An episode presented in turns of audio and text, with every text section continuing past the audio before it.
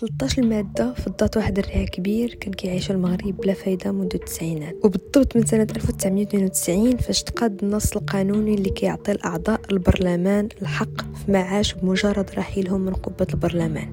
غادوز 30 عام من 92 حتى 22 باش ياخذ المغرب أخيرا خطوة وينهي واحد من أكبر أشكال هدر المال العام. نضلوا عليه شخصيات وجمعيات وحركات شعبية إلى جانب برلمانيين ووزراء. تحسب لهم جرأة مواجهة التيار والتخلي عن أموال. كان كل شيء كيجري موراها وربما من أجلها مارسوا العمل السياسي أساسا. اليوم غنهضروا على القانون 24 21 والقانون 42 22 اللي جاوا باش يلغيو نظام المعاشات المحدث لفائدة أعضاء كل من مجلس النواب ومجلس المستشارين. معكم عفاف أنفلوس جوريست بيناليست كتشرح القانون غير بالفن باش نحطكم في السياق غنرجعكم لسنة 1993 فاش بدات الحكاية بقانون رقم 2492 اللي حدث نظام المعاشات لفائدة أعضاء مجلس النواب بوحدو. هذا النظام اللي تطبق إجباريا على النواب اللي تنتخبوا بصفة نهائية. غدوز أربع سنوات تل سنة 1997 عاد غيخرج قانون فيه جوج مواد فقط.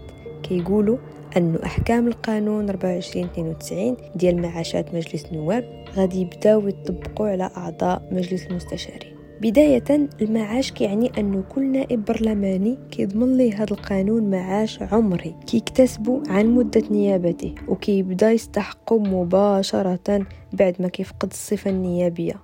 حيت ما عاودش تنتخب أو حيت ما كملش فترة تشريعية كاملة.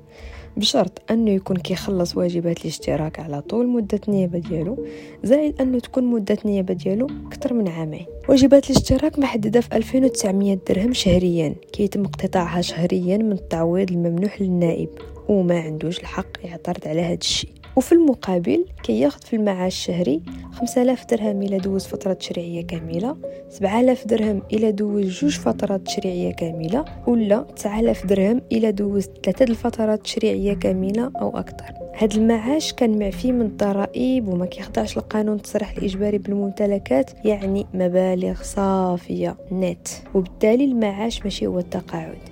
فإذا كان نائب كان عنده شي تقاعد أيغ فكياخدهم بزوج عادي. حيت خلص الأقساط اللازمة لهم بزوج. بقى هذا النظام خدام 28 عام دابا تال 23 مارس 2021 فاش غيخرج قانون رقم 24 21 اللي غادي يلغي نظام المعاشات المحدث لفائدة أعضاء مجلس النواب.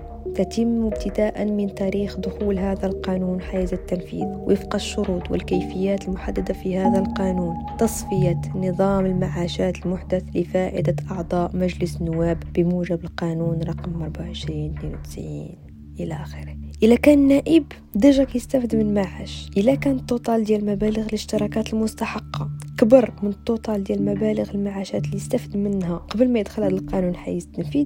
فكيرجعوا ليه حصيلة الفرق. أما إلا كان هاد ال total ديال مبالغ الاشتراكات المستحقة صغر أو لا قد التوتال ديال مبالغ المعاشات اللي استفد منها قبل تاريخ دخول هذا القانون حيز التنفيذ فما كيرجع ليه والو. أما إلا كان نائب مازال ما كيستفد من المعاش كيرجعوا ليه غير فلوس الاشتراكات اللي قطعوا ليه قبل هذا التاريخ. وهاد المبالغ كاملة اللي هضرنا عليها اللي كيتم استرجاعها للنائب هي مبالغ صافية نت معفية من الضرائب وما خضعاش للتصريح. القانون عطى العملية التصفية هذه 60 يوم ماكسيموم من نهار دخل القانون حيز التنفيذ من بعد أكثر من عام وبالضبط في 11 غشت 2022 خرج أخيرا القانون اللي كيلغي نظام المعاشات اللي كيستافدوا منه حتى أعضاء مجلس المستشارين القانون رقم 42 22 هذا القانون جاب تقريبا نفس الأحكام. ولكن هذا القانون غيعطي الأعضاء المستشارين واحد الامتياز ما تعطاش لأعضاء مجلس النواب. هو أنه بعد استيفاء كاع العمليات ديال الاسترجاع الفلوس